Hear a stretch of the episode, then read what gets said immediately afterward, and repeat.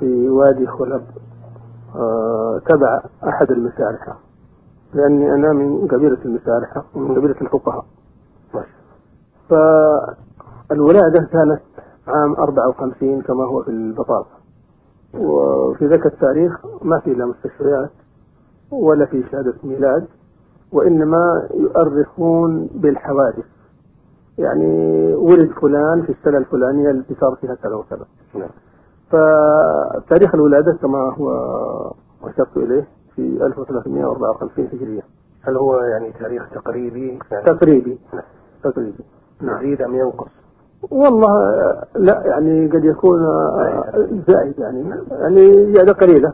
نعم. ما هي ما هي كثيرة يعني. نعم. آه الولادة كما ذكرت في تلك القرية وكان في تلك الأيام ليست هناك مدارس نظامية نعم. ونشأتي أنا خاصة ولله الحمد. لم أعرف الوالد. توفي ويمكن عمري سنة كما يقولون. وكذلك الوالد أيضا بعد سبع سنوات توفيت وعمري إما في الثامنة أو في التاسعة. ولكن الله عز وجل لا يضيع أحد من خلقه. فتيسرت لي الدراسة والدراسة كما قلنا مبدئية آه، كان في القرية شخص يسمونه الفقيه. نعم. الذي يدرس الطلاب. نذهب للدراسة دراسة القرآن الكريم ومبادئ الكتابة. يعني كتاب. آه كتاب. نعم. كانت الدراسة هكذا. آه نفس المنطقة يعني عموما منطقة ميزان كانت يعني من مسار الاهتمام للمملكة. نعم. فأول من عين يعني يسمى مطوع كما يقولون. الشيخ عبد الله الكرعاوي وعين للمسارحة وهذه معلومة آه، ربما يعني يتداركها بعض من كتبوا وظنوا على أنه جاء لصامتة. نعم. بل الخطاب الذي جاء به لشيخ شمل المسارحة وأنه مدرس للمسارحة معلم لهم يعني خطيب يعني إمام ومدرس للأولاد وفتحت مدرسة في قرية ثم البيطارية ولكن العادات الموجودة في تلك الفترة آه، التي يتمسك بها يعني أصحاب القرى ولا سيما في الأعياد ما تمكن من مواصلة التدريس. لأن حدثت بعض الأمور مع أنه رجل حكيم في الدعوة وصدره واسع ولكن آه، الأمور تجاوزت حدها فترك في القرية هذه وانتقل إلى صامتة ووجد بعض الناس هناك وقبل منه ثم استمرت المدرسة فتحت. وكانت عادة الشيخ رحمه الله إذا حفظ الإنسان يعني بعض القرآن وبعض المتون كشف الشبهات أو الأصول الثلاثة رأسا يعين في قرية من القرى للتدريس. فكانت دراستي أنا على الشيخ شيبان عريشي وما يزال على قيد الحياة إلى الآن في مركز المساحة فدرست عليه القرآن وبعض الكتب التوحيد من الأصول الثلاثة وكشف الشبهات. هذه كانت البداية في الدراسة. بعدما أخذنا المعلومات هذه الشيخ عبد الله القرعاوي كما قلت من حفظ شيئا من كتاب الله وبعض الكتب كتب التوحيد لأن همته نشر العقيدة. وكانت الخرافات والبدع موجودة. في تلك المنطقة وفي غيرها من مناطق المملكة نعم. في تلك الفترة. لأن هذا في الستينات إلى السبعين آه، كانت هذه الأمور منتشرة هذه المدارس التي كان الشيخ عبد الله فتحها في كل قرية وكانت من سياسته على أنه إذا قيل له في القرية أن فلان لا يحضر صلاة الجماعة آه، ماذا يصنع يؤتى به إليه ويقول له أنت مؤذن في هذا المسجد أو أنت فراش في المسجد. المهم أنه يربطه بالمسجد بهذه الوظيفة مع أن المبالغ التي تعطى للمدرسين حاجة قليلة جدا. وهو الحقيقة رائد التعليم في نفس المنطقة. وينبغي هذا أن يذكر ويشكر عليه بعد الله عز وجل لأنه لم تنتشر العقيدة الصحيحة والمبادئ السليمة إلا عن طريقه رحمه الله. رحمة الله عليه. فضيلة الشيخ الدكتور علي ناصر فقيهي. آه، قبل أن نسجل هذا اللقاء تحدثتم عن آه، الكيفية التي التحقتم بها في المعهد العلمي. ونود يعني أن نتحدث لأنه كانت فيها موقف آه، غريب جدا قضية التحاقكم بالمعهد نعم. هو كما قلت على أن الشيخ إذا حصل الإنسان على هذه المعلومات يوظفه مدرس فكنت مدرس في أحد المسارح. نعم. أنا ومجموعة أيضا. وفي ليلة من الليالي طلعت من البيت بعد العصر إلى جنوب القرية فإذا في الجيب اللي هو فيه الشيخ عبد الله القرعاوي نعم. الطرق غير معبدة. فلما شاهدني وقف. وطلعت في السيارة بدون كلام. ما قلت أبغي معاكم ولا بيروح المكان الفلاني. وهو ما كلمني شيء. طلعت في السيارة واستمرينا. ونزلنا بالوادي وادي الخلب. قطعنا إلى صامقة وجاء المغرب ونزلنا للصلاة. نعم. وبعد ما صلينا فقال لي إلى أين تريد وماذا تريد؟ فقلت له أريد المعهد العلمي. فقال الشيخ أما المعهد العلمي ما هو مثل المدارس اللي عندنا. نحن الآن الإنسان إذا حصل كشف الشبهات وبعض الآيات والسور وبعض الكتب الأخرى نوظفه مدرس. نعم. لكن المعهد العلمي مدير الشيخ حافظ ولا يقبل أحد إلا باختبار. الشيخ الحكمي. الشيخ حافظ الحكمي رحمه الله. فقلت له ما عندي مانع. نعم. وصلنا وفي الصباح أخذني وجاب لي الشيخ حافظ وقال لي هذا الأخ علي يبغى يلتحق بالمعهد وما كم كان عمركم فضيلة الشيخ؟ يعني حوالي 18 ربع ما شاء الله فقال يبي يلتحق بالمعهد وما يحتاج تختبر ولا طبعا عنده معلومات وكذا يعني الكلام غير الكلام اللي قالوا لي يعني أثنى عليكم نعم الشيخ نعم. هذا. أسلوبه معروف يعني الشيخ حافظ الشيخ عبد الله القرعي رحمه الله. رحمة الله. فقال الشيخ حافظ اما نحن ما نقبل إلا باختبار. نعم. فقال اختبر. فارسلني للمدرسة السلفية فيها الشيخ محمد صغير خميسي مدرس. فكان كل يوم يعطيني مادة ويعطيني أسئلة وأنا أجيب عليها. ما كنا نعرف الدرجات. نعم. حتى نعرف المقاس يعني ماذا حصل الانسان وحتى يصل إلى الدرجه الفلانية؟ ويأتي تقدير اما جيد وجيد جدا. هذا كله غير موجود. نعم. لكن كان يعطيني تصحيح من 30 يعطيني إما 30 وإما 28 وأذهب إلى زملاء درسوا قبلي في المعهد موجودين يسألوني ماذا صار فأخبرهم. مين تتذكر من آه واحد اسمه شويعر ما زال على قيد الحياة. والآخر جبران قحل رحمه الله توفي خرج في جامعة الإمام. نعم. وواحد اسمه محا أيضا آه، توفي أيضا. فعندهم معلومات في قضية الاختبار وقضية الدرجات وانه الإنسان إذا تحصل على مثل هذه الدرجة يستحق يعني مكان أعلى. نعم. بعد ما انتهيت من الاختبارات فأخبرت الجماعة بالدرجات التي حصلت عليها. قالوا لا أحسن تطلب الثانوي. فرجعت للأستاذ قلت له يا شيخ أنا أريد الثانوي. وإلا أرجع ادرس نعم. والله الرجال قال أنت طلبت كذا وإحنا موافقين عليه قلت له هذا الذي يريد. الآن درجاتي كلها عالية عندك. ما شاء الله. نعم نعم. والله أخذ لي في الصباح وذهبنا إلى المعهد العلمي ودخلنا عند الشيخ حافظ في الإدارة وقال له هذا فلان حسب طلبكم أجريت له الاختبار ونجح في الدروس كلها بتقدير طيب جدا فيستحق اولى ثانوي نعم. والله أنا جلست في الإدارة والشيخ حافظ رحمه الله يروح للفصل يدرس للفصول ثم يرجع. هو كان يدير المعهد في هو مدير المعهد في صامته نعم. فكان يذهب ويعود والرجل له هي- هيبة. آه، ما كنت أكلمه أنتظر منه أن يكلمني. استمر إلى قرب الظهر. جاء الوقت ينتهي. نعم. فتجرأت قلت شوف حاجة وأنا أنتظر. فقال ليش ما ذكرتني؟ قلت له والله ما استطعت. ولكن إحياء يعني. استحي نعم. أيوة نعم نعم. فأخذ بيدي وذهبت إلى أولى ثانوي وأذكر أنه بيوم الأحد. نعم. في أول محرم.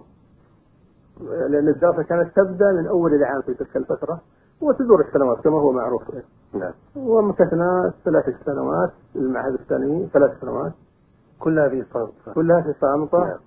وكان الشيخ حافظ رحمه الله يعطينا درس في السنة الأولى. في الأصول. نعم. والأصول غير مقررة على السنة الأولى. نعم. آه، لما جاء الاختبار تذكروا الطلاب وعرفوا على أنه هذه المادة ما فيها رسوم فغاب الكثير منهم. نعم. وحذر القليل منا. فلما جاء قال أيوه أنتم الآن تعرفون أن هذه المادة ما فيها رسوب ولا نجاح ومعناه أن الطلاب لهم هم طلاب علم نعم. طلاب نجاح يعني. نعم. وطبعا المجموعة التي بقيت كان لها يعني آه، لا بس هو عاتبهم نعم. الذين لم يحضروا عاتبهم. نعم. وما رتبوا في المادة لأنها ما هي مادة رسمية. ولكن يبدو الشيخ الدكتور علي ناصر فقيه يعني كان هناك حافز لديكم وحماس كبير للدراسة وبالتالي يعني كان المعهد العلمي مطمح. هل كان هناك يعني تخطيط للدراسة الجامعية؟ ولا هل كانت هناك آمال معينة؟ وتفكرون في هدف معين تصلون إليه؟ والله أذكر لك القصة دي عند كثير منا نفس الطلاب. نعم. ما كان هدفنا في الأصل إلا أن ندرس ونبقى. نعم. ولا كنا نفكر في الجامعة ومؤسسة الدراسة. ولكن لما قربنا إلى السنة الثالثة اللي فيها التخرج والزملاء لنا دفعتين اللي سبقونا فقط قد تخرجوا نعم. فطمعنا في ذلك الوقت في الدراسة. وذهبنا لكلية الشريعة في الرياض. بعد الثلاث سنوات بعد ثلاث سنوات يعني لما تخرجنا في عام الثمانين.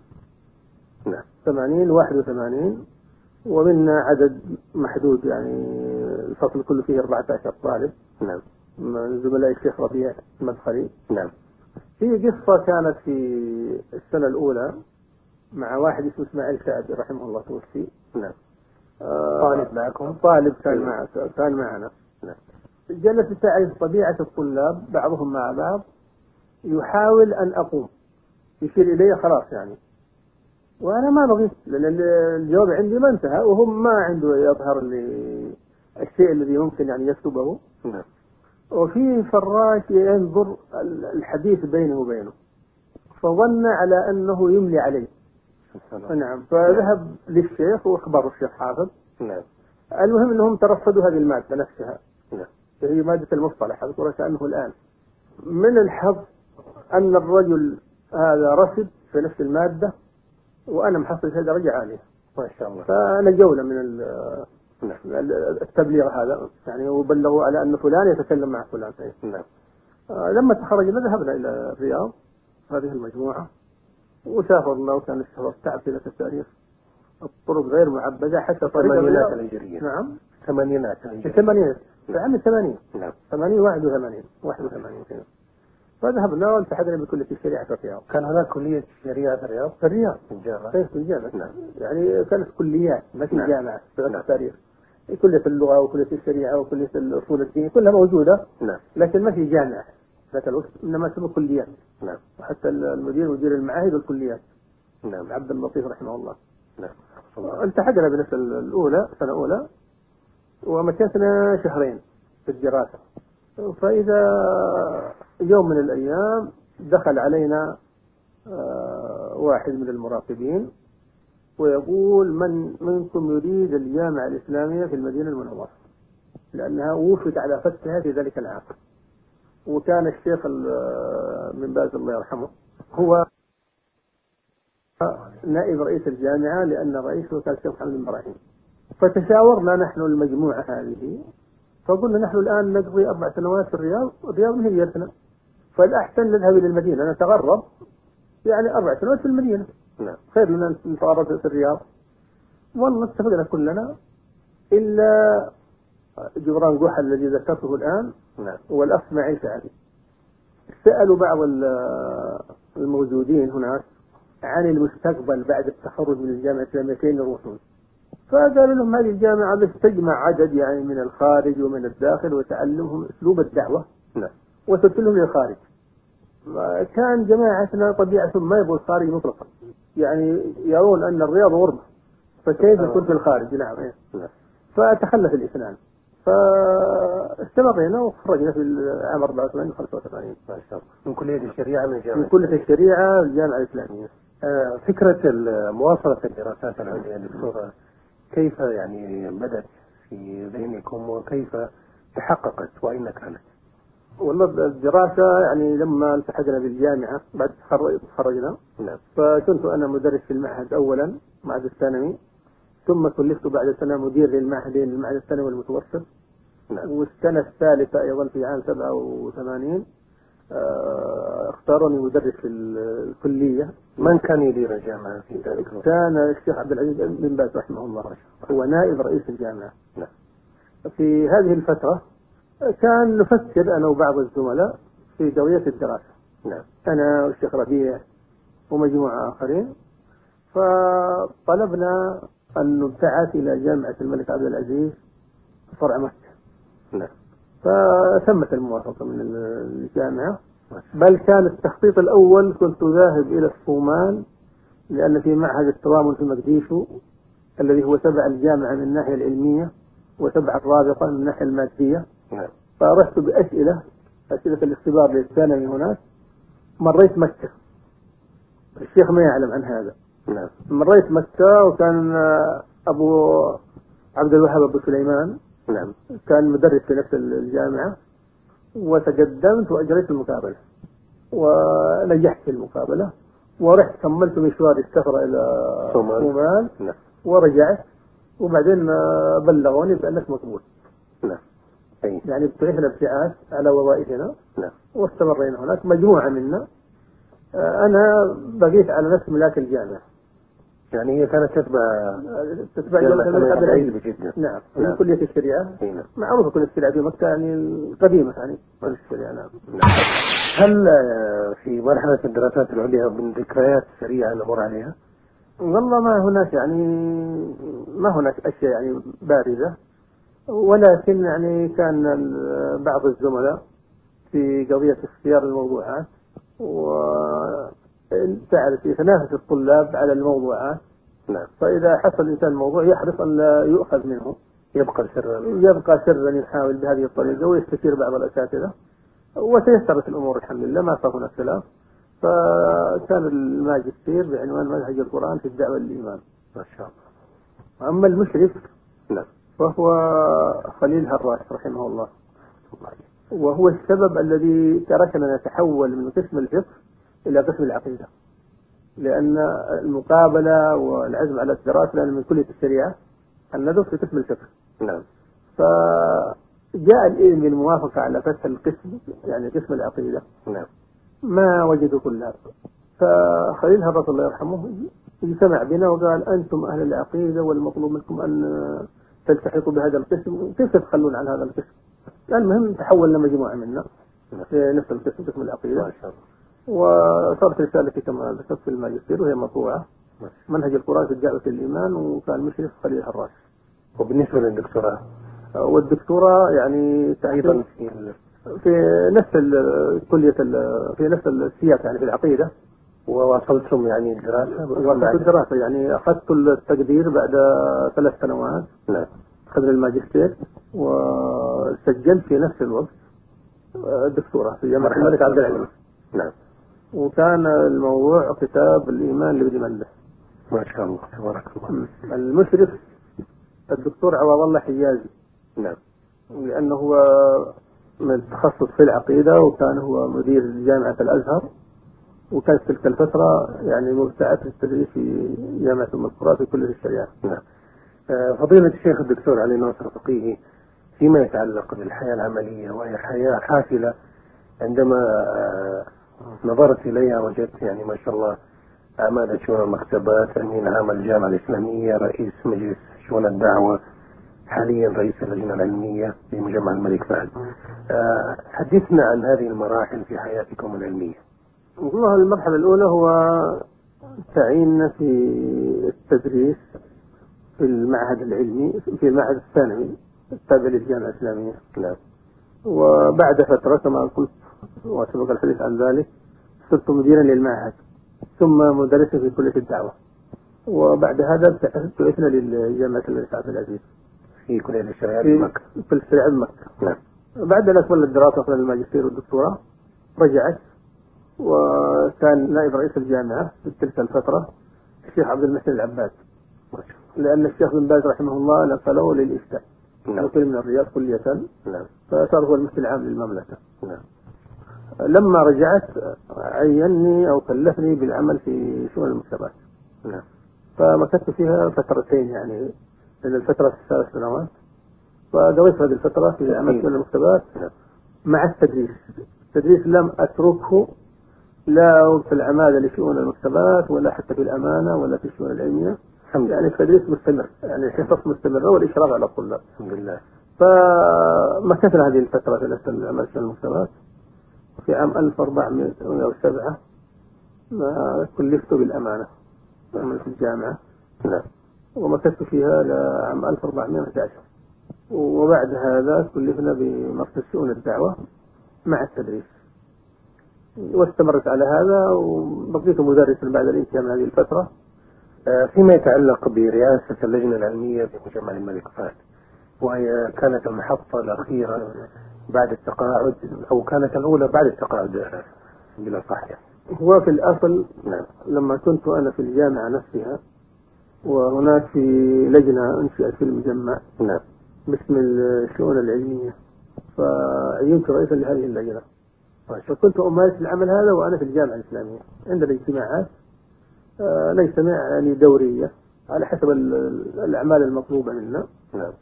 فالدكتور محمد العوفي يعني حرص أن أكون في المجمع. جزاه الله خير. وتكلم مع التركي لأنه كان التركي في الأول هو المشرف على المجمع. نعم. لما كان وزير الشؤون الإسلامية والدعوة والإرشاد فكان هو حريص أيضا يعني على أن أكون في نفس المجمع لأنه كان في أعمال قمنا بها في هذه اللجنة ودراسة ترجمات وتكاريس كانت يعني في ملحوظات على ترجمة لعبد الله يوسف علي. نعم. فيها أخطاء كثيرة شنيعة وكانت تأتي ملحوظات عليها من الخارج. لكن لما كلفت أنا بالرئاسة قالوا نكتب قلت لا نحن الآن هذه التجارب التي جاءت نأخذها ونستفيد منها لكن لابد أن ندرس هذه الترجمة دراسة خاصة. نعم.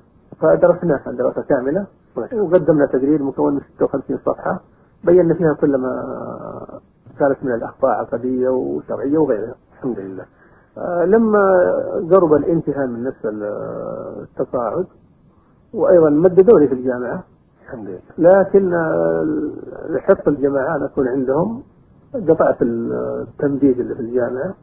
نعم. وانتهينا عندهم في ثلاثين حسب النظام المعروف يعني واحد سبعة. واحد سبعة. 30 6 ويوم نعم 30 ستة انتهى العمل في الجامعة وواحد سبعة بشرت العمل في المجمع. الحمد لله. وكانت في لجنة هذه لكن بعد ذلك آه، صارت يعني إدارة. فأنا في الوقت الحاضر مدير إدارة الشؤون العلمية ما شاء الله. اللي يتبعها مركز الدراسة القرآنية ومركز الترجمات وأيضا مركز السنة اللي موجود في الجامعة هو تابع لنفس الإشكاله المجمع والتعليم لا زال يعني آه، أيضا معكم مستمر بحكم أنكم وصلتم التدريس في المسجد النبوي الشريف. وهذه النقطة حبذا لو تحدثنا عنها سريعا متى كانت البداية؟ والله البداية هذه يعني بعد التقاعد كما ذكرت لك يعني نعم. بسنتين تقريبا. ما شاء الله. وهو أن عبد العزيز الفالح نائب نائب رئيس الحرمين نعم. يعني رشحني ومجموعة. نعم. منهم الشيخ حماد الله يرحمه. الأنصاري الأنصاري منا خمسة. ورفعت اسماءنا وصدت المعهود السامي على تعيين مدرسين في الحرم. نعم. وما زلنا من ذاك التاريخ ندرس في الحرم وإلى الآن. متى درسكم الأسبوعي؟ آه، درس الأسبوعي على حسب ال- الأعمال الموجودة عندي. يعني في درس يوم الجمعة ما شاء الله. عاده ودرس يوم الأحد هذا في التفسير. التفسير في ساعة في هذه الفترة الآن. نعم. ويوم الثلاثاء درس في العقيدة. في كتاب التوحيد. ما شاء الله. الدروس أو الكتب التي درست في كتاب التوحيد آه، والواسطية وكذلك آه، كتاب الإيمان لابن منده نعم. هذه كلها درستها في المسجد النبوي وهي أيضا مسجلة في مكتبة ال- الحرم. نعم. ومن أراد يعني من الزوار أو من الطلاب بس المكتبة يتقدم لهم باشرطه فاضية. نعم. وهم يسجلوا له ماذا يريد؟ نعم. ماذا يريد؟ فالعمل ما زال يعني الحمد لله. نفع الله بكم. ونسأل الله التوفيق للجميع. نعم. اللهم آمين. آه، قبل أن نختتم هذا اللقاء المبارك معكم آه، أبرز إنتاجكم العلمي فضيلة الشيخ المطبوع أو آه، حتى ما هو تحت الطبع. والله الكتب المطبوعة يعني في سلسلة أولا كان في سلسلة في الوصايا الكتاب نعم. والسنة. نعم. وهذه طبعت لكن الكتب البارزة أولا آه، رسالة الماجستير مطبوعة ومنهج القرآن في الدعوة للإيمان. نعم. وكذلك كتاب الإيمان لابن مندة ثلاثة مجلدات تحقيق تحقيق هذا مطبوع. وطبع المجلس العلمي للجامعة الإسلامية. وكتاب التوحيد لابن مندة أيضا مجلدين آه، طبع في الجامعة الإسلامية ثم مكتبة القرابة. وكتاب يسمى الرد على الجهمية لابن مندة أيضا. يعني لما تخصصت في كتاب ابن مندة يعني تابعت يعني الكتب التي ألفها ما شاء الله فخرجتها. الحمد لله. في الأربعين في دلائل التوحيد للهروي وهو طبعا مؤسسة رسالة وفي الصفات والنزول للدار الكفني أيضا طبعا مؤسسة رسالة نعم. وفي الإمامة والرد على الرافضة الذي نعيم. وهذا طبعت مكتبة العلوم والحكم والآن الطبعة الرابعة. نعم. والحيدة للكناني أيضا. وهذه كلها تحقيق. والصواعق المنزلة لابن القيم الجزء الأول بالاشتراك مع الدكتور أحمد عطية الغامدي نعم. والتأليف كما ذكرنا منهج القرآن في الدعوة إلى الإيمان والفتح المبين في الرد على واحد طعن في الأربعين للهروي نعم.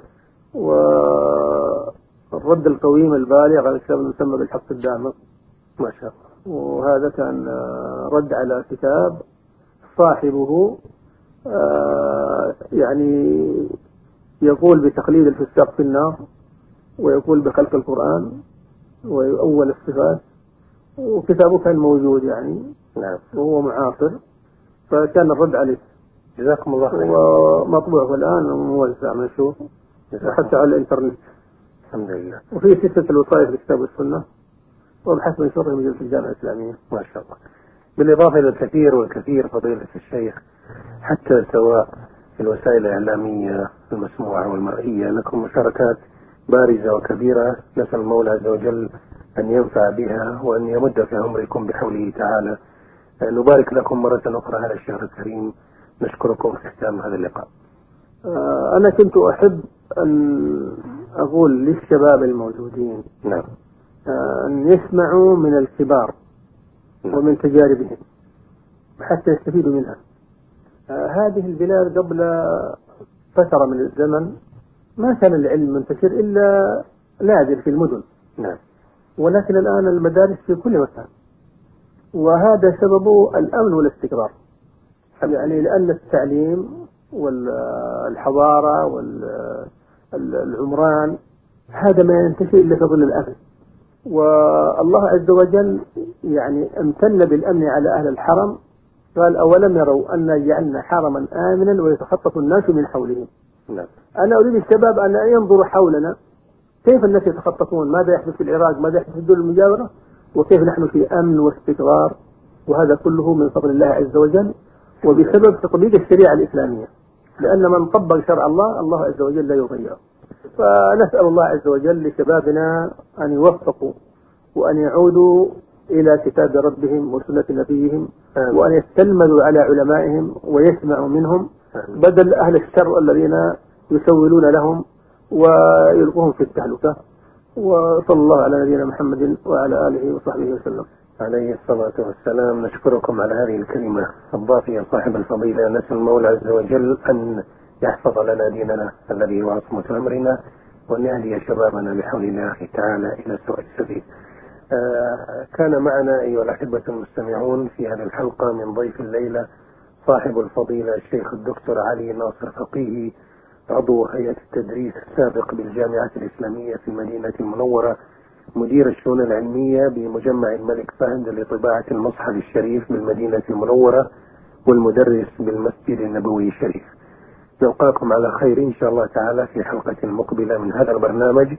السلام عليكم ورحمة الله وبركاته. ضيف الليلة. برنامج يومي. يعده ويقدمه. كمال هاشم رشيد. تنفيذ فهد بن سعد الفريان.